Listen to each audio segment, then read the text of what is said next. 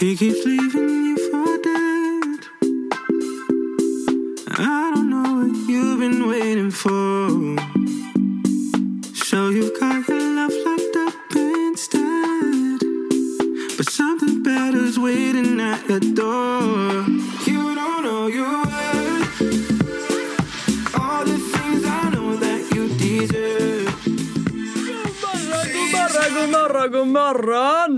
City, Weiron i åttan. Vem det jag tjötar med? Nile City. Just det, så var det. Vad sa du? Men jag sa inte ens någonting. Jag visste inte vad det, vad det ordet skulle vara. Åh! Mr Jonas, eh, min pappa då, eh, väckarklocka. Ja just det, Mm. Mr Jonas. Hur mår vi då? då? Siffra? Eh, Håll det kort. eh, åtta. Åtta. Sju. Sju. Mm. Ja, nej, men det är väl ganska bra, helt okej för att vara torsdag. Åh gud, Det var- hur fort går inte tiden nu eller? Nej men det går så Det fort. var måndag igår och idag är det redan torsdag. på ett sätt är det redan fredag. Men på ett sätt tycker jag det är ganska nice för att ehm, Riktigt nice. jag då som håller på att räkna ner dagarna till vi ska få göra vårt rutinultraljud så att jag får veta vilket kön jag har i magen. Det är. Kan ni, ni lyssnare, ni vet ju också om det. Det är ju en tjej. Ja, jag hoppas det. Jag hoppas faktiskt det. Ja. Det hade varit väldigt eh, mysigt att ha en av varje. Men eh, man blir glad för eh, oavsett kön. Vad kan bra. bli en hen också. Ehm, nej men alltså på riktigt, jag eh, är så nyfiken och ehm, eh, jag gjorde en grej jag inte skulle gjort. Vadå? Jag gick in på barn, H&M's och Saras barnavdelning och eh, la rätt mycket i varukorgen. Fast jag bestämde att jag inte ska liksom Beställde du något då? Nej jag gjorde inte det. För Då har du inte gjort något dumt. Nej jag vet men jag fick sån här Jag har ju någon form av eh, shopaholic Jag har en, en, någon diagnos liksom, jag tror det. Nej det har du inte Ida. Jo, jo men jag tror att jag har det. Men, men, men jag, jag är en nykter, jag är nykter nykter shopaholic. Ehm, så att eh, jag, jag, jag vet ju bättre så liksom. Mm. Men, eh, men det var ja, otroligt gulligt. Men då blir, det ju, då blir jag ju ännu mer såhär, fan jag måste verkligen veta vad det är för kön. Ja. Sen kan man ju beställa rosa till killar också, det är inte det. Men, men man liksom har väl en liten uppfattning om man tycker de är gulligt. Liksom. ja men så det stämmer. Eh, och vi har båda hundarna i studion idag så att det blir det lite bakgrundsljud här så är det dem. Ja.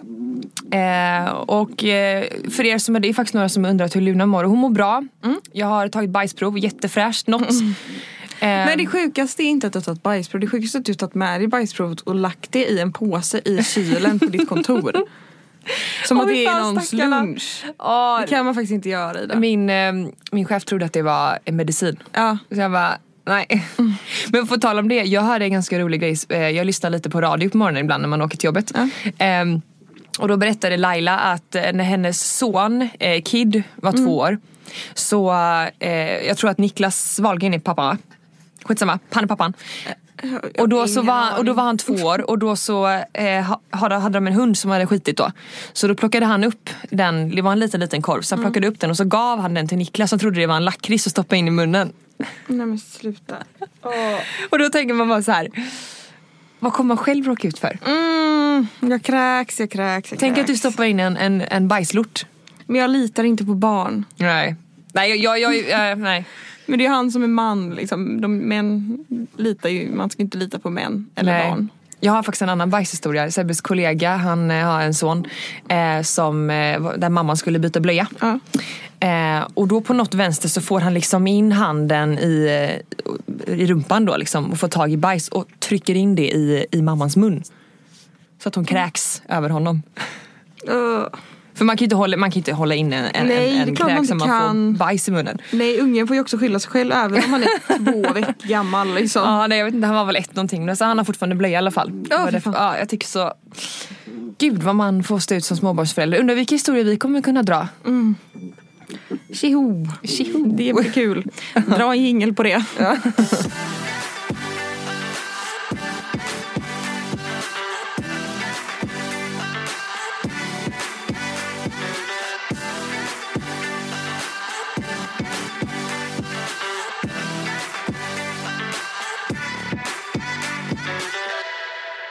Jag ska erkänna en grej. Vad har du gjort? Det här är så hemskt. Nej. Jag har aldrig i hela mitt liv kollat på Paradise Hotel. Eller Ex on the beach eller Love Island. Aldrig någonsin. Ja. Tills i söndags. När jag och Kalle hade kollat på allt vi har kollat på. Alla serier, vi har inget nytt att kolla på. Och vi låg och kollade på varandra och sa, ska vi göra det? Mm. Och han kollade på mig och sa, ska vi göra det? Och jag bara, men vi kan ju testa. Vi, Bara, bara ett avsnitt. vi kan ju testa ett avsnitt och se vad vi tycker. Är det jättedåligt så stänger vi bara av. Ja. Alltså vi har blivit såna Paradise Hotel-torskar jag och Kalle. ja men jag säger ju det, man blir ju det. Men för jag har alltid typ, jag har alltid idiotförklarat folk som, som, som slaviskt kollar på de programmen. För jag är Ja, men- hur kul kan det vara? Ja men det är ju lite hjärndött, det får man ju ändå säga. Ja men det är ju sätta, På ett, på ett, på ett humoristiskt sätt. Det det är är ju det sätta gör... sju små dvärgar fast som är helt koko och som älskar att festa i ett och samma hus och så bara liksom låta dem ha sig. Men det är det roligaste jag har kollat på hela mitt liv. Ja. Eh, det är ju extremt underhållande och jag måste säga att eh, årets säsong, Jag har jättemycket fördomar om folk som är med i Paradise Hotel. Jag ber om ursäkt. ja. Jag inser själv att jag har det för att nu när jag kollar på det så tycker jag att det är otroligt roligt. Det är väldigt roligt. ehm, och eh, ju, ju, längre, ju, ju mer man kollar desto mer fast blir Ja man. men snälla det finns såna karaktärer där inne som jag, typ Tanja. Ja. Jag på. bästa kompis med henne. Ja, hon är så Jag jävla älskar skön. henne. Hon är fantastisk. Hon är fantastisk. Hon är Eh, så rolig. Och jag är inte... Hon är som en ung Mia Skäringer i dialekten. Ja, det är hon. Otroligt rolig. Men hon är så himla avslappnad men sen så är det ju, jag, det är ju två olika sidor nu och jag är inte så förtjust i Hanna och Josie. Nej det är inte jag heller. Men jag gillar Tanja, Tanjas sida. Och det jag tycker om Tanja det är att jag tror att vi är ganska lika. Mm. Alltså typ när Diana står och gråter över någonting så hon säger men, nej, men ryck, ihop- ryck upp det, det är ingenting att gråta över. Typ Ja. såhär, lägg av nu liksom. Ja, eller Hon typ säger det när på hon vill prata sätt. illa om det Ja. andra så här, för att prata taktik. Hon bara, "Ah, ja men, men det, de ska inte trycka ner oss, skitsamma. Ja, hon är så himla härlig. Hon tar livet med en klackspark, jag älskar det. Ja. Och en mer karaktär som är hysteriskt rolig. Jag vet inte, jag vet inte vad du ska säga. Han från Borås! Vad heter han? Alex! Alex ja! Du vet att jag, eh, det var en som berättade att, eh, eh, ha- som har en kompis som pluggar med honom. Ja. Och då hade de väl haft någon form av inspark eller någon, någon form av fest. Ja. Och då hade han stått så här lite vid sidan av med sin gymväska i ena handen och eh, stått och spänt sin biceps så för att man skulle, du vet, som man tänker att, att, att en sån kille gör. Ja, och sen så förstår jag förstår ju också att det blir, han blir väldigt Förlåt. Eh, jag förstår också att de, de klipps ju på ett sätt som kanske inte riktigt Ja. är på riktigt. Han är ju väldigt lätt att klippa tror jag. Tydligen på jag ett tror väldigt så här, också det. Och de jag menar, honom lite sitter ju i dum. synken och säger typ så här. Eh, vad tänkte du där? Säg så här typ. Eh, ropa brev på ditt sätt liksom. Så här, de gör ju det så att det, det är ju inte, oj, det är inte så schysst mot, eh, mot alla deltagarna. Nu ska den gravida böja sig här. Ehm, men det är, det är hysteriskt roligt och han gör hysteriskt bra TV. Det gör han. Nu ska inte jag säga, jag ska inte avslöja någonting men han, eh, han gör väldigt bra TV. Ja, något mer då? Eh, nej, men jag har börjat kolla på den serien som du tipsade om, Top Dog. Hur bra? Ja den är bra, väldigt bra. Om ni inte kollar på Top Dog, börja kolla på Top Dog. Top, top, top. Top, top, top. Men vi kan ju börja prata lite om vad vi ska prata om den här veckan. Eh, vi, Halloween. Ja det är ju närmar halloween, sig. när är halloween? Jag vet inte men det närmar sig med stormsteg. Lägg av Jag måste kolla upp när halloween är, förlåt. Halloween är ju sista veckan i oktober, det vill säga på höstlovet, vilket är nästa vecka. Nästa vecka. Ja det är nästa helg. Ehm, precis, så när det här avsnittet släpps, alltså det är ju i, i morgon. Exakt. Ja. Ehm, Då är det en vecka kvar. då är det en vecka kvar. Och eh, då, vi sa att vi skulle ha en Q&A. Just det. Mm. Men, men jag tänker att vi kanske blandar lite. Det kan vi göra. För du har väl fått in ganska många spökhistorier? Ja. Så här kommer eh, i Halloween edition, veckans ämne, skräckhistorier. ja.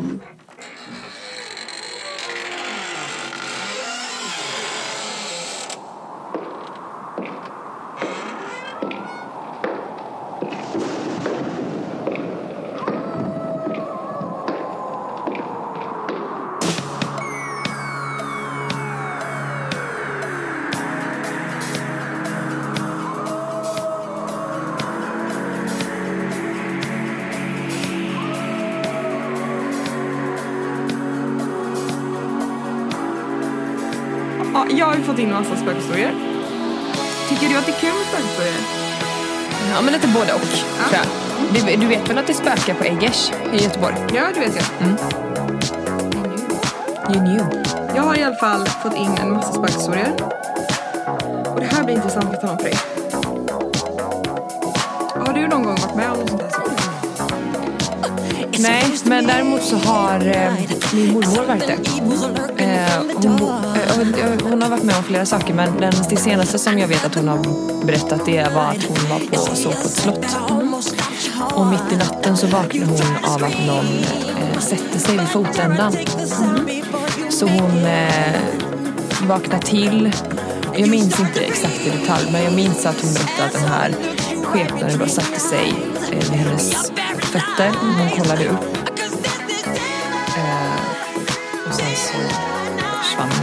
Den här antagligen. Alltså, jag, gud vad dåligt jag berättar det. Men hon såg i alla fall någon satt sig i fotändan.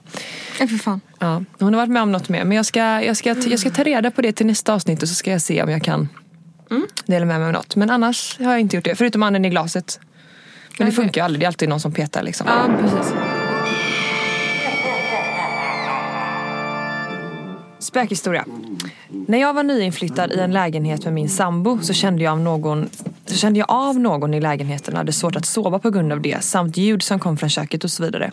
Sen en dag mitt på dagen så satt jag och skulle bygga ihop en IKEA-pall och lyssnade på musik och Spotify började byta låt flera gånger. Ska tillägga att jag inte har Spotify ihop med någon.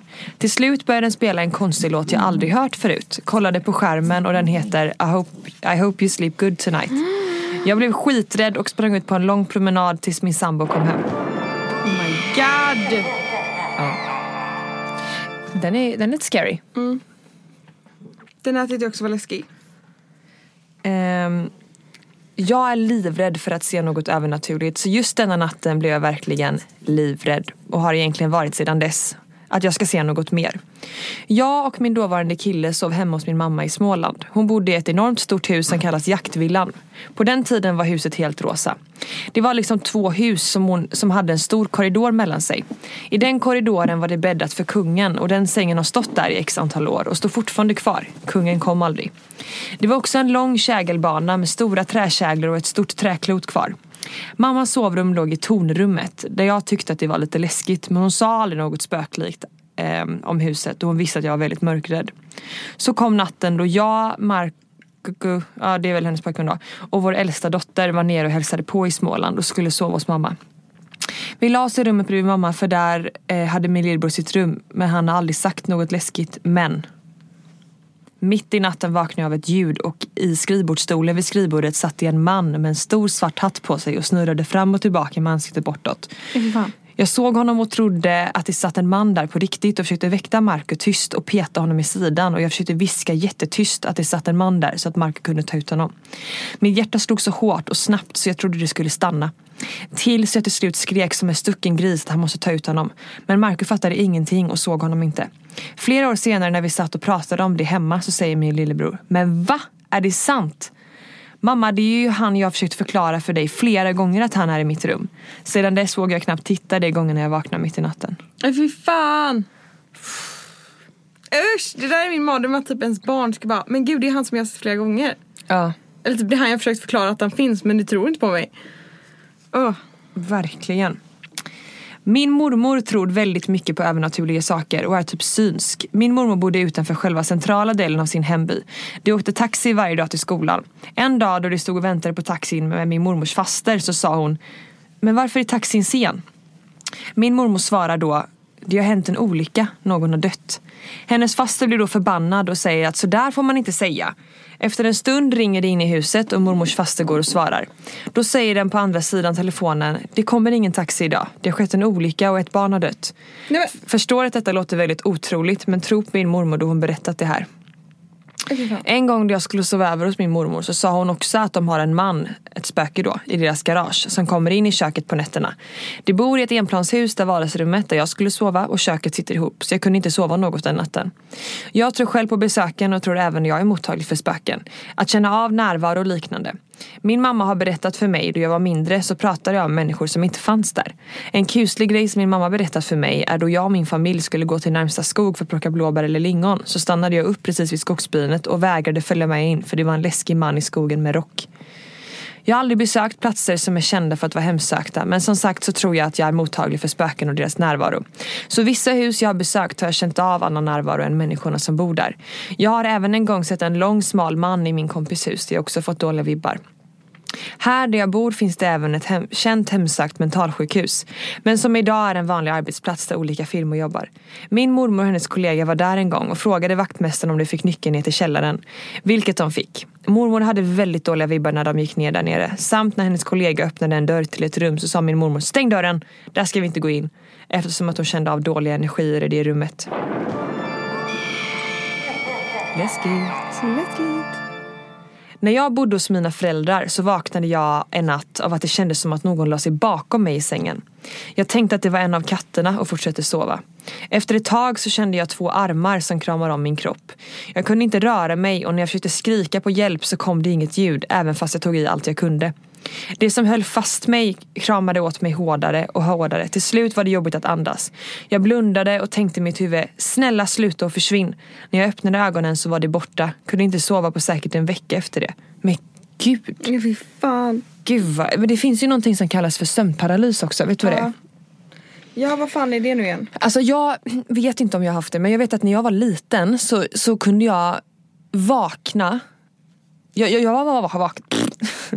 jag var vaken men det kändes som att jag inte kunde vakna ur drömmen. Och jag, det är typ det som kallas för sömnparalys. Som att du känner dig vaken men, men typ som att man faller ner för ett stypp typ. Uh. Eh, fast det känns som att det är på riktigt och att du är vaken då. Men det är väl, det är väl ja, många tycker att det känns som att man sitter fast i sin egna, i sin egna kropp när man har det. Ja, men en kollega till mig har det.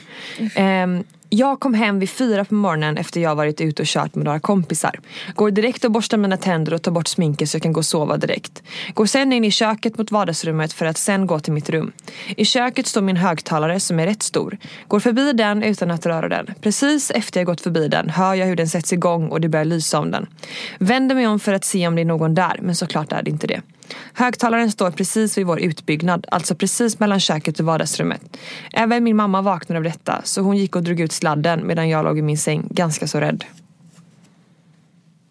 Mm. Scary. Scary. Ah, har du varit med om något övernaturligt? Jag har ju typ inte det. Jag har ju inte det. Det Ingenting? så Känner du inte någon? Alltså, Nej, alltså, vi- mamma, mormor? Nej men alltså vi hade, på, när jag jobbade som kock i köket där. Då var det någonting. Man kände att det var någonting. Som var, det här är en väldigt gammal gammal byggnad här i Göteborg. Det är så här, ja, det är väl något jävla adelsmän som har haft den här våningen liksom för hundratusentals år sedan typ. En sån grej. Och där var, det var någonting. Det var någonting där som var något så här. Man kände att man var inte ensam. Men det här spöket eller vad det nu är. Det var inget. Hon ville inget ont. Utan hon var bara där. Och jag vet att det var en hon, men jag vet inte varför jag vet att det var en hon. Men människan var där, eller liksom vålnaden var där. Men jag vet inte, vi, ingen vet ju om vad liksom. Alltså, jag tror inte alls jag är mottaglig för det överhuvudtaget. Nej men det är i och för sig det enda jag varit med om. Så det är inte det är något annat. Men eh, Alltså en del av mig eh, tror jag inte jag vill vara mottaglig. Alfons mamma är ju mottaglig, eh, alltså så, enligt henne själv. Eh, och har berättat lite så läskiga historier. Ehm, eller som jag tycker är läskiga. Ja. Ehm, men, eh, och sen så är det ju så här, det är ju inte alla som tror på spöken. nej precis. Jag, jag, tror, jag tror att jag vill gärna tro för att jag tycker att det är lite läskigt. Men alltså min, eftersom att min mormor har berättat eh, lite grejer så känner jag ju att så här, ja, alltså jag tror ju att det finns någonting. Men sen vad det är. Det vet man inte. Min pappa hade en kompis som bodde, eh, som tog över sina föräldrars hus.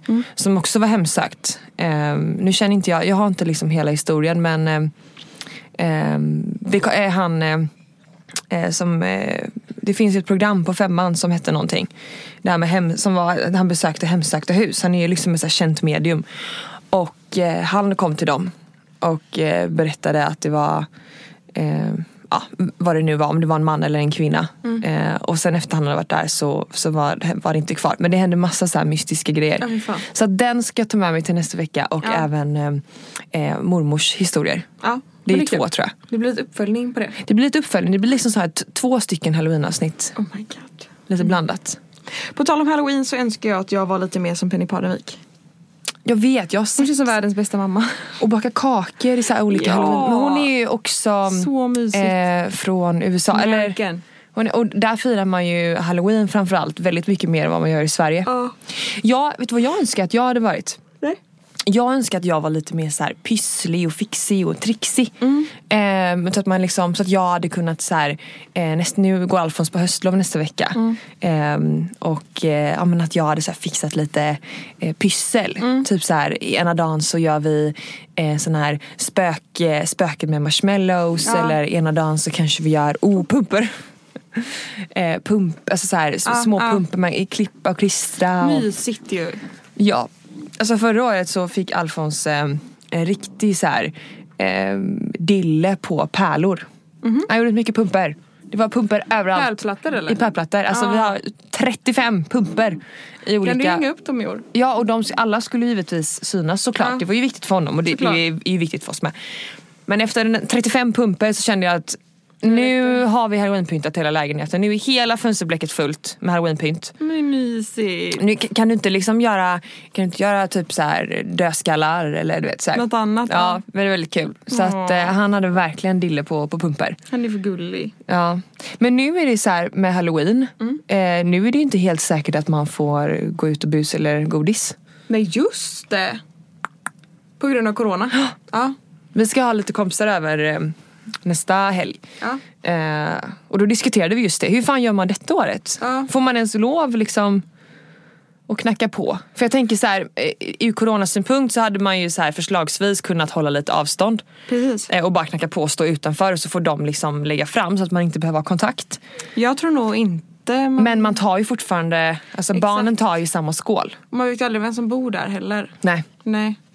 Så det får man nog inte då. fan. Jag vet inte. Det var ju livets grej. Ja. Ja, nej men så att, ehm, så att jag, ja, men jag önskar väl också att jag var lite som henne. Eller att man i alla fall har lite den här amerikanska inställningen till, till högtider som, Ja, som man har. För det är ju lite mer överdrivet i USA. Ja och jag På tycker ett det är positivt mysigt. sätt. Ja. Men pumpa ska du göra. Pumpa ska jag göra. Jag tänkte göra det i helgen. Vi tar en jingel och så kör vi lite Q&A. Ja.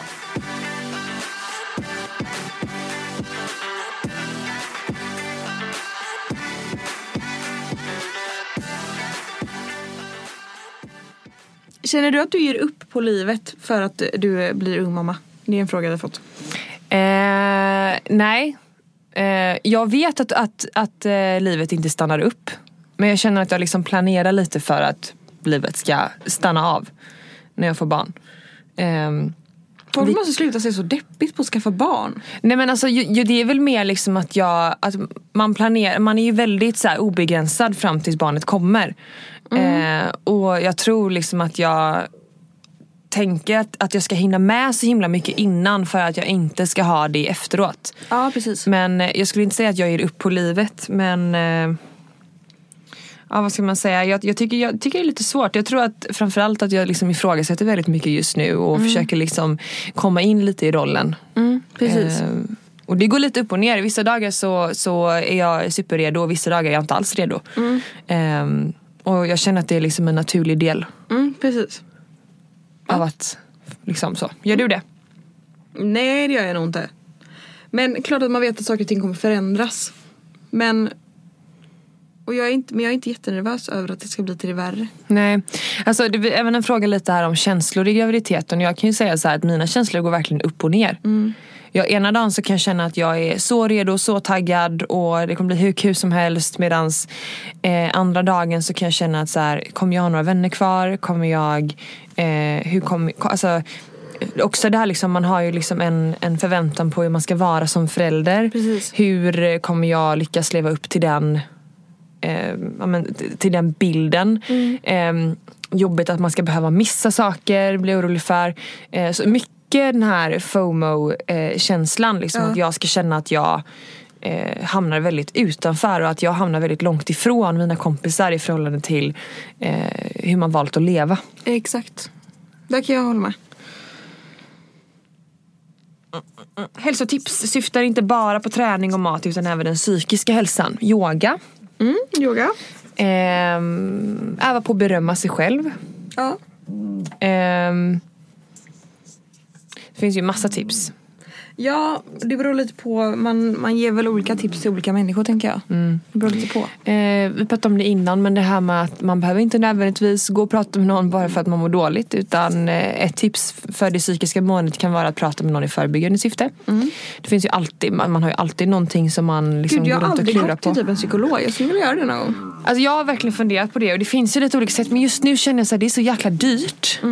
Eh, och jag känner att vi går ju redan i, eh, ja nu är det kanske inte parterapi eftersom att vi insåg ganska snabbt att det är liksom inte det som vi undrar över. Nej. Utan nu går vi ju liksom i mer så familjeterapi i syfte liksom att så här, hur, kan vi, eh, hur kan vi bli den bästa föräldern till Alfons? Hur kan vi lösa konflikter på bästa sätt? Hur kan jag och Sebbe vara med som en enad front? Hur, kan, hur liksom ska vi förhålla oss till det här nya barnet? Eh, och liksom hur kan vi, eh, ja men du vet det är Jag tror det är mycket skitviktigt och jättebra. Ja, skit, ja absolut. Och det, jag känner att det gör ju oss mycket, mycket starkare efter varje gång vi har varit där. Det ger oss så mycket. Sen är det inte alltid man har ett problem att bolla nödvändigtvis. Men bara att känna att man liksom bollar med någon och liksom får bekräftat att ah, men här är ni på rätt väg. Det här är Precis. bra. Liksom. Ja. För att man, olika barn har olika utmaningar. Och, och liksom hur man som förälder bäst tacklar det. Ja, inför alla precis. nya situationer som man ställs inför. Så det är kul. väl Eh, hur tar man sig igenom nian? Vi kan prata om högstadiet generellt, tycker jag. Hur tar man igenom sig själv? För att grejen, jag vet inte hur du upplevde högstadiet men jag tyckte att högstadiet var superjobbigt. Eh, för jag kom liksom från en ganska så här. Jag, alltså jag gick ur och skur. Det var jag och så var det min bästa kompis Elin och, och, eh, och vi liksom hängde ihop i vått och torrt. Eh, och vi var helt eh, liksom eh, wild and crazy på ett väldigt barnsligt sätt. Vi körde liksom Ja, vi, hittade, vi hittade på alla möjliga, vi, liksom, vi hade teater och vi eh, lekte OS. Och, alltså, Det var nog väldigt, väldigt, eh, väldigt olika. det var vi. Vi var framförallt väldigt barnsliga. Ja. Eh, Ja, och vi har alltså ja. väldigt så här, skydd, perfekt liksom så. Men det blev liksom som en sån stor omställning att gå för vi var ganska så här härligt, eh, eh, rätt goofy. Ja. Eh, och sen så börjar man sexan och så kommer de här tuffa tjejerna som eh, liksom har både bröst och smink. Och jag var liksom Alltså jag var en vandrande lyktstolpe liksom. Jag var lång och platt överallt. Med färgglada tights. Eh, med färgglada tights, kass klädstil och eh, så här, du vet, dålig hållning. Alltså det, det var, när jag, koll- jag tänker tillbaka på den tiden, det var så mycket liksom att ta in på samma gång. Ja. Och de här tjejerna som, som kom från en annan skola, de var så tuffa va? De var så tuffa. Och de alla fick ha smink, vet, jag och Elin fick inte ha smink. Eh, mascara fick vi ha på vår höjd liksom. Ja. Eh, och, och jag hade liksom, du vet, så här, kunde komma till skolan i så här, lila tights och så en svart så här, lite jeanskjol och en långärmad lila Betty Boop-tröja och en svart jeansväst. Medan de andra tjejerna kom liksom så här, de hade då de hade typ C-kupa och de hade värsta så här, eh, en blå topp, tight topp och så hade de liksom en assnygg liten kjol till och tights och de var så himla så här modemedvetna då jämfört med en själv liksom. Så här, mamma fortfarande la fram kläder på sängen så här, moget. Ja. Så det var så stor kontrast liksom, till vad man var vid innan och sen då att man liksom försökte passa in och höra ihop med det här och det helt plötsligt så var det med, att med killar att det var liksom en tjej som var väldigt populär och alla ville vara med henne och man ville vara bekräftad och en del av det här och man försökte liksom bryta sig loss lite från hur man var innan. Sjukt, sjukt påfrestande och jobbigt tycker jag. Gud, jag tyckte högstadiet var life. Du tyckte det? Ja. Ja. Ja, nej jag tyckte inte det. Jag tyckte det var life. Alltså jag hade jättekul. Jag tyckte att själva skolgången var jag. Alltså skolan var jobbig med alltså plugget för jag har alltid väldigt svårt för, för skolan. Eh, och, så det tyckte jag var jättetufft. Men allt annat, festerna man började gå på. Man började liksom göra sina första häxblandningar. jag och min polare Ida, vi, alltså vi var, vi var liksom radarparet. Vi gick till skolan tillsammans varje dag. Gick på fester på helgerna. Jag kommer ihåg att jag hade en ascool röd skinnjacka eh, ifrån Rock and Blue. Vad fan hände mer? Ja, man tog konfirmationen och fick en Marc Just Jacobs det. väska, man hade Odd Molly blusar. Alltså jag, ja, jag, jag hade nog aldrig känt mig så cool som på högstadiet. Ja, nej alltså jag önskar, jag, jag tror att mycket handlar om att jag försökte passa in hela tiden. Ja. Ehm, och, och det blev liksom jag kände mig konst, jag, alltså jag kände mig så himla ful och osäker och jag kände aldrig liksom att jag var tillräcklig och jag har alltid haft mycket kompisar och jag blev ju även kompisar med de här omtyckta tjejerna och vi blev ett jättegäng. Ehm, inte för att det spelar någon roll idag. Men, men just det här med att man, man hela tiden ville passa in och bli bekräftad och också vara omtyckt av andra killar och sådär. Jag liksom hade inte det. Ehm, och den, det var så himla eh, jobbigt. Men jag tror att de här coolaste tjejerna, att de mår, lite, li, mår lika dåligt egentligen. Ja det tror jag med. För jag kände inte att jag mådde dåligt på något sätt under högstadiet. Jag levde life och jag var nog alltså, liksom, i de po- populäraste liksom, människorna säkert. Men jag var ändå, jag har alltid varit väldigt kreativ och på högstadiet så fick man ju så här eh, man fick gå mycket så slöjd, bild, eh, bild fick man ha mycket, man fick ha mycket musik. Alltså jag fick vara väldigt kreativ. Och det, det, det tog jag ut. Jag var med i kör och grejer liksom. Så jag var ju ändå en tönt fast jag var en cool tönt. Är du med? Ja, ja, jag fattar. Ja, nej. Så att hur, man tar, hur man tar sig igenom det, det, det är tufft. Jag Det kommer kan det att man vara. testade att röka och grejer när man gick i högstadiet. Ja gud, jag testade också det. Jag tog, tog ett typ så här munblås och skrev tre noveller om hur mycket ångest jag hade efteråt i min dagbok. Marlboro Ice Blast. Ja det var nog något Det var sånt där. de man Ja. testade, de som var så mintiga som möjligt. Ja herregud och så på min altan och så jag och Elin och så var vi så här såna töntar som bara testade något coolt. Ja nej. Åh gud. Eh, don't do Man var that. kär i någon kille i skolan och pirrig. Och man jag var ju, jag var ju också kär men det var ju fan aldrig bekräftat liksom. Åh det var roligt. Jag saknar Ja. högstadiet, det var fan tiden. tiden Jag saknar inte högstadiet. Men det är så här, också, har du, eh, när man började festa, har, gjort, har du gjort så några roliga eh, historier från så festperiod eller så här när du var yngre? Eller det behöver inte vara festrelaterat men så har du gjort har du några roliga historier när du busar liksom? Har du snattat någon Ja. gång? Nej jag har aldrig snattat faktiskt. Mm. Jag tror jag är för, jag för dålig, eller jag, för, jag tror för mycket på karma. Men, eh, Mm. Ja det gjorde nej, inte jag när jag var 16, 15. Man har ju busat och sagt att man har varit på ett ställe, man har varit på ett annat ställe, man har varit på någon fest eller man har ju, eh, det var ju faktiskt inte så jättemånga år sedan, kanske var fyra år sedan, som pappa upptäckte att alla hans, de skulle ha en fest eller någonting hemma tror jag, mina föräldrar. Och han gick och kollade liksom spritskåpet och skulle se vad de hade om de behövde köpa något. För de dricker verkligen aldrig sprit mina föräldrar. De kan Nej. dricka så mycket vin och sånt när de har hemma ja, med kompisar och så. Men eh, det är sällan de dricker så här sprit. Väldigt sällan. De är inte de som blandar drinkar och sånt. Ehm, av någon anledning skulle pappa kolla och såg att liksom så här, det var vatten i varenda jävla flaska. Men gjorde man, Och gör det ni var den jag. dumma? Det var jag. Det var du. Det var jag. Eh, sånt gjorde man och man, gud vad man har gjort mycket dumma Men du grejer. vet, jag gjorde också det. Men problemet var att mina föräldrar... Jag, jag, är så här, när, jag, när jag ser mig själv som förälder så ser jag mig själv väldigt mycket att jag kommit efter mina föräldrar på vissa punkter. Och det som de gjorde som var så jävla smart det var att jag fick inte gå utanför dörren om inte jag hade påhittat min iPhone. Ja, mina föräldrar var inte så tekniska men de var också väldigt Men i, i, i, gymnasiet så ljög jag inte om vart jag var Det var bara kanske i högstadiet och då var man Alltså det kanske var att man var hos en kille i området istället för att eh, man var hos sin tjej- sin tjejkompis och de bodde 100 meter ifrån varandra. Så det Ja. var inte så att jag var i en annan stadsdel utan det var väldigt nära. Ja. Men, men det var mer, jag kunde nog mer ljuga i gymnasiet. Då var jag mer, då levde jag mer rövare och busade. Alltså typ, Jaha. jag kunde säga typ, visst jag, jag hade en pojke på gymnasiet. Men man var ju lite av och på. Mm. Och när man var av, då var man ju med andra killar. Man tyckte att det var jättekul. Ja. Och då kunde jag typ, då kunde jag ju typ säga till mina föräldrar om, och mamma bara, ah var han här i natt? Typ kunde jag bara, ah Ja, jag, men jag vill inte prata om det känsligt mellan oss just nu och då kunde det vara mitt ex som mamma trodde liksom. Ja. Men då var det egentligen någon annan kille. Det var någon annan. Det var någon annan sko som stod i hallen. Mycket, så- alltså, mycket så var jag kanske. Och kanske att jag och någon tjejkompis var på någon efterfest och typ så här. Ja men ah, alltså så mycket sånt var det kanske, att man busade så. Ja, alltså jag, jag hade då hittat min iPhone. Och ehm, jag vet att första gången så då var det fest ute i Fiskebäck.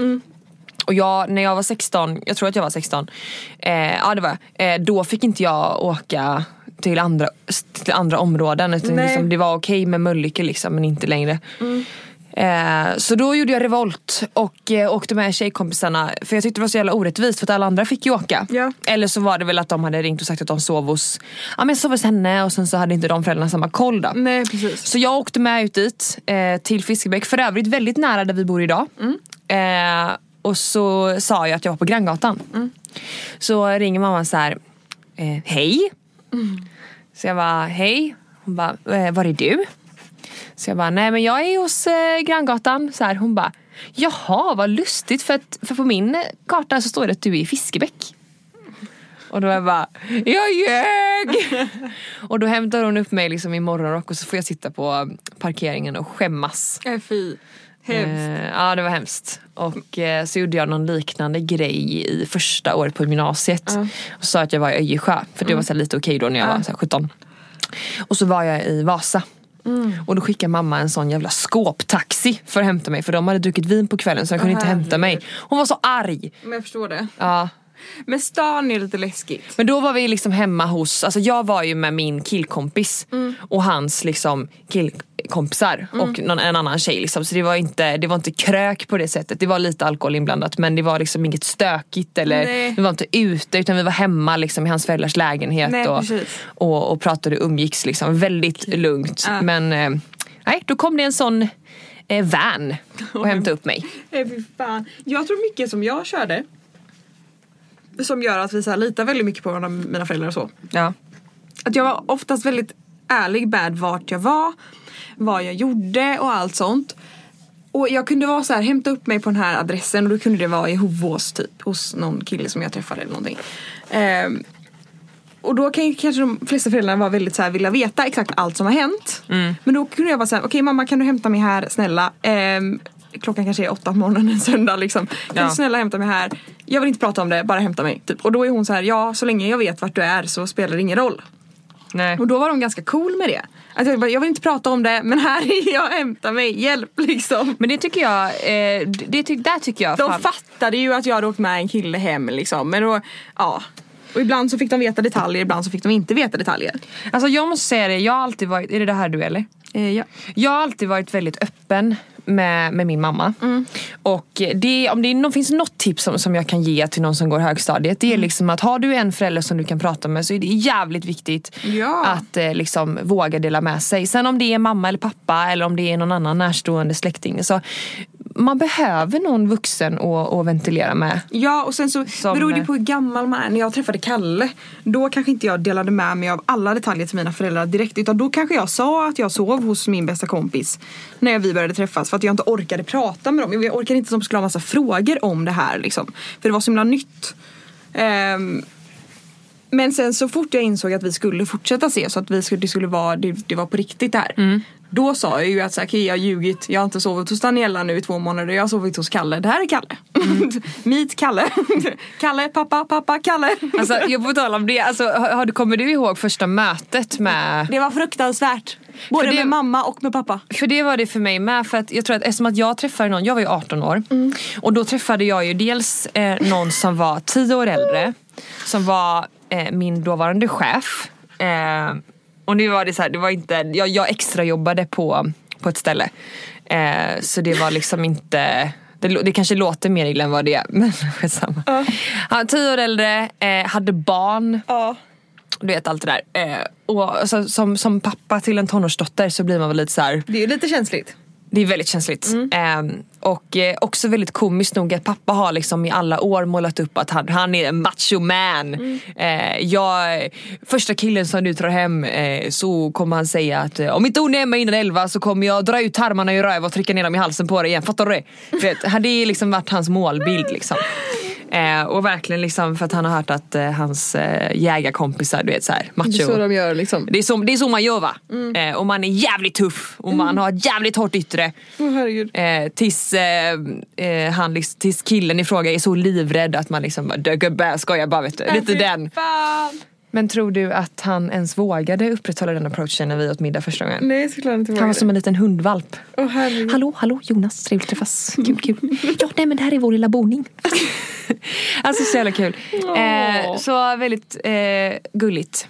Eh, men det, det var ju otroligt stelt. Man, man ska, alltså, vi käkade ju middag ihop liksom. Ja, ja, åh gud. Äh, fy fan, stacka Sebbe. Det är inte på det sättet man ska träffa sina föräldrar första gången. Nej, Fast det var, som sagt, jag skulle komma till var att det var ju väldigt viktigt för Sebbes del att han träffade mina föräldrar så att de fick veta att Sebbe var en bra kille. Exakt. Vilket han såklart var. Ja. Ehm, Åh gud. och en grej som så här, när jag hade killkompisar över innan jag träffade Sebbe. Ja. Så vet jag att det var en grej typ pappa skulle alltid kolla vad de hade för bil. För pappa jobbar ju med bilar. Ja. Så, så hade jag haft eh, eh, två killar hemma så var det liksom en av dem då som kanske var eh, lite mer av intresse då. Ja. Eh, långt innan Sebbe. Och eh, då kollade han så, ja, han kör BMW. Bra jobbat. Alltså verkligen så här. Så kunde min pappa också vara, att han skulle märka liksom. Det kunde vara någon killkompis, alltså verkligen en killkompis hade släppt av Ja. mig som hade liksom, man hade väl hittat på någonting, varit och bowlat eller någonting. Släppt av mig hemma och så bara, "Ja, vem är det som kör en Merca då? Han bara, alltså, det är verkligen bara en killkompis. Ja. Men jag kommer ihåg ja, ja, ja. när Kalle träffade pappa första gången. Ja. Ah, gud det var så hemskt. Men de kände inte varandra sen innan. Nej, det gör de inte. Det är nu som de har fått massa gemensamma vänner. Eh, men det var så hemskt. Kalle följde med mig hem och då hade vi träffats, alltså vi hade träffats ganska länge då. Så att det var ju så här, de visste ju att jag, det var någon jag träffade. Eh, men han följde med mig hem, vi hade varit ute. Eh, och eh, jag vet att Kalle tyckte det var lite jobbigt som det var. Att han bara, jag vill inte träffa dina föräldrar första gången genom att jag är ditt hemsläp. För vi träffas ju ändå liksom. Jag bara, men det är ingen fara, de vet ju att vi träffas. Och det är liksom så här, bara för att ni inte har träffats, då får ni träffas hemma hos oss då första gången liksom. För jag bodde fortfarande hemma. Och du vet, vi, det är morgonen och vi ska gå upp och bara jag känner bara nej, varför har jag, nej, det Och här är ångesten som kommer jobbigt. krypandes. Det här var en jättebra idé i natt, nu är det inte alls en lika bra idé. Eh, och jag visste att pappa var, det var bara pappa som var hemma och mamma är väl lite mer lättsam där kanske. Alltså hon är mer så här, nej men hej hallå, alltså så här väldigt så här, du vet ju hur min mamma är. Ehm, men pappa var hemma och han satt i soffan och typ vet, läste korsord. Eh, och min syster var inte hemma heller och hon hade också lättat upp stämningen. Ja. Liksom så här. Och då skulle vi gå ner och i våran trappa hos mina föräldrar Ja. så har de liksom som, de har byggt ut ett stort hål i trappan för att det ska bli, se mer luftigt ut. Det ska se snyggt ut på något sätt. Så när man går ner här så ser man ju genom det här hålet hur pappa sitter i fåtöljen. Man liksom möter blicken och sen så blir det ju lite mer så här vägg, hål, möta blick, vägg. Och sen kommer man ner liksom. Eh, och du vet Kalle liksom tjena tjena! Och pappa sitter med glasögonen liksom på sned, håret är helt så här söndagsfrisyren liksom. Bara hallå, mm, ja tjena tjena. Så här. Och de byter ut typ tre ord. Och sen så går vi in i köket och jag bara vi ska sticka, eh, vi, ha det gött. Det var hemskt Åh fy fan. Men du, vet du vad jag kommer tänka på? Eh, En anledning till att jag vill att du ska ta upp det här nu är för att jag vet att Kalle har berättat om det i sin podd. Så att jag tänker att det är lite så här, det var länge sedan. Så att inte alla vet det här. Men du måste ju berätta om den gången med klamydiatestet. Med klamydiatestet? När Som Kalle han fick fick hem. hem? Ja. Han fick hem två brev Han fick hem två brev. precis när vi började träffas Det här, det här, scenen är din. Om jag kommer knappt ihåg det. Jag är ganska, var ganska chill med sånt. Jag fattar att han haft ett liv innan mig. Så jag var inte den som blev arg när jag såg det. Första brevet kommer hem eh, när vi är i hans hus i Bollebygd och har myskväll. Och hur länge har ni varit tillsammans då ungefär? Oh, det här kanske kan ha varit i januari. Vi träffades i november. Sen är det ju så här att ha, ja, om man går till ungdomsmottagningen så måste man ju skriva upp, är det sex månader innan typ? Jag har ingen aning. Ja men jag det. tror att det, det är ganska långt intervall liksom. Ja. Han fick i alla fall hem ett klamydiabrev när vi när vi liksom hade kommit hem till honom, han hämtade in posten, vi skulle Äta laga lite ostbågar. Ja men typ, verkligen så här, skulle ha myskväll. Eh, och han står med posten samtidigt som jag står bredvid honom för att jag skulle packa in maten vi har handlat typ samtidigt som han står bredvid mig och bara vad fan typ. Och sen så ser jag att han försöker liksom ta bort det på något sätt. och jag bara vad är det där? Och han bara kollar på mig och bara jag har ingen aning, alltså, jag, jag har verkligen ingen aning. Jag har inte gjort någonting dumt, jag lovar dig att jag inte har gjort någonting dumt. Typ.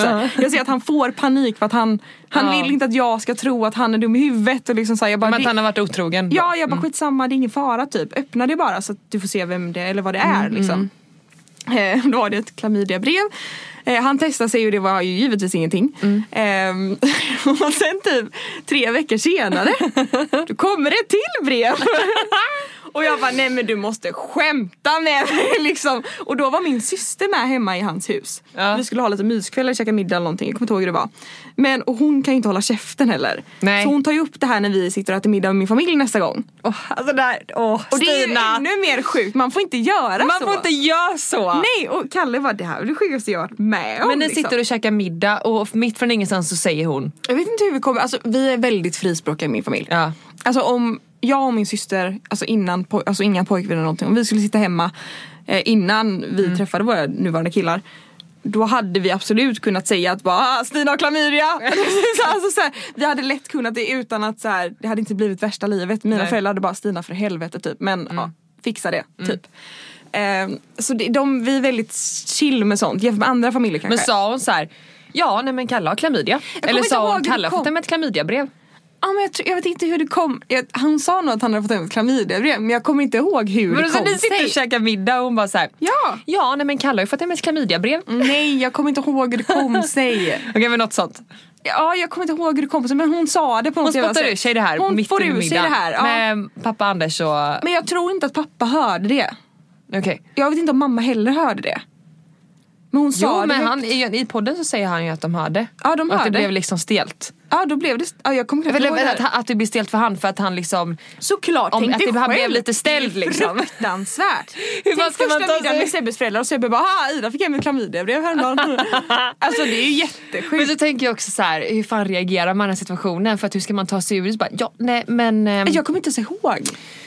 ja, Jag tror nog det, eh, det, det, det är nog mer min syster och Kalle som har minne av det här. Ja. Men alltså ja, är, när man tänker efter så är det ju helt jävla sinnessjukt. Jag tycker så synd om Kalle. ja men jag tänker Då hade jag inte varit- klamydia då heller. Nej men jag tänker bara så här. eh, Hade det varit jag i den situationen så hade jag ju typ satt köttet i halsen och bara så här.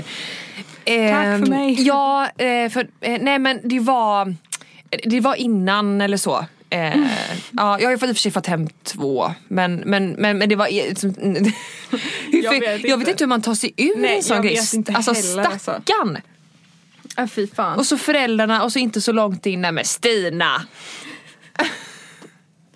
Åh gud. Fast Åh, väldigt roligt herregud. dock. Åh fy fan. Ja det var en kul grej men ja det är sådär det är ibland i våran familj. Väldigt härligt. Fruktansvärt. Men det väl- blir väl en jättebra avslutning på den här podden. Ehm, Har du fått hem klamydiabrev någon gång? Nej jag har aldrig haft och aldrig fått hem brev. Inte jag heller. Nej. Har du testat det någon gång då? Ja alltså jag tror att jag, när jag hade urinvägsinfektion någon gång. Mm. Jag vet, nej! Jo jag har nog testat mig någon gång. ja jag tror jag har testat mig jättemånga gånger. Det var nog inte i samband med Eller inte jättemånga gånger men jag har testat mig. Några Ja. gånger. Ska man göra, det är viktigt. Det är för att jag tror att jag är rädd för att få det. Ja men det är inte bra. Nu, nu är jag inte jättenojig för att jag ska få det. Men, eh, men, men.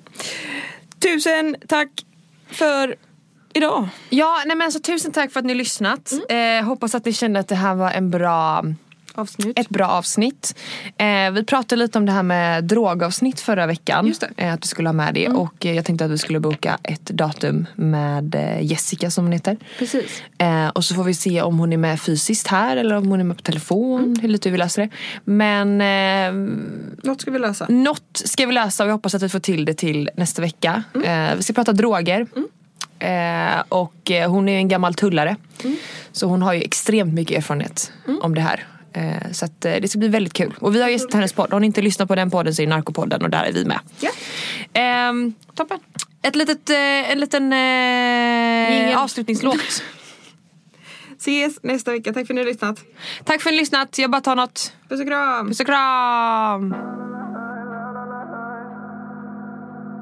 Call me what you wanna, I'll be what you wanna. I've been here a thousand times. Eh, eh, hey, hey, falling for another. I don't even bother. I could do it all my life. So tell me if you wanna, cause I got this feeling. I wanna hear you say it, cause I can't believe it. With every touch of you, it's like I've started dreaming. Guess heaven's not that far away. And I'll be singing la la la la la la la la. You're breaking me la la la la la la la la. You're breaking me la la la la la la la la. You're breaking me la la la la la la la la. I'm just right here dancing around to the rhythm, the rhythm that you play when you're breaking my heart. You know that I can't get you out of the system. Yeah, right from the start, I'll be singing la la la la la la. la. You're breaking me la la la la la la la. You're breaking me la la la la la la. You're breaking me la la la la la la la. You're breaking me. You can do whatever. I'll be here forever, spinning round inside this room. Hey, hey, won't you come on over? I'm a sucker.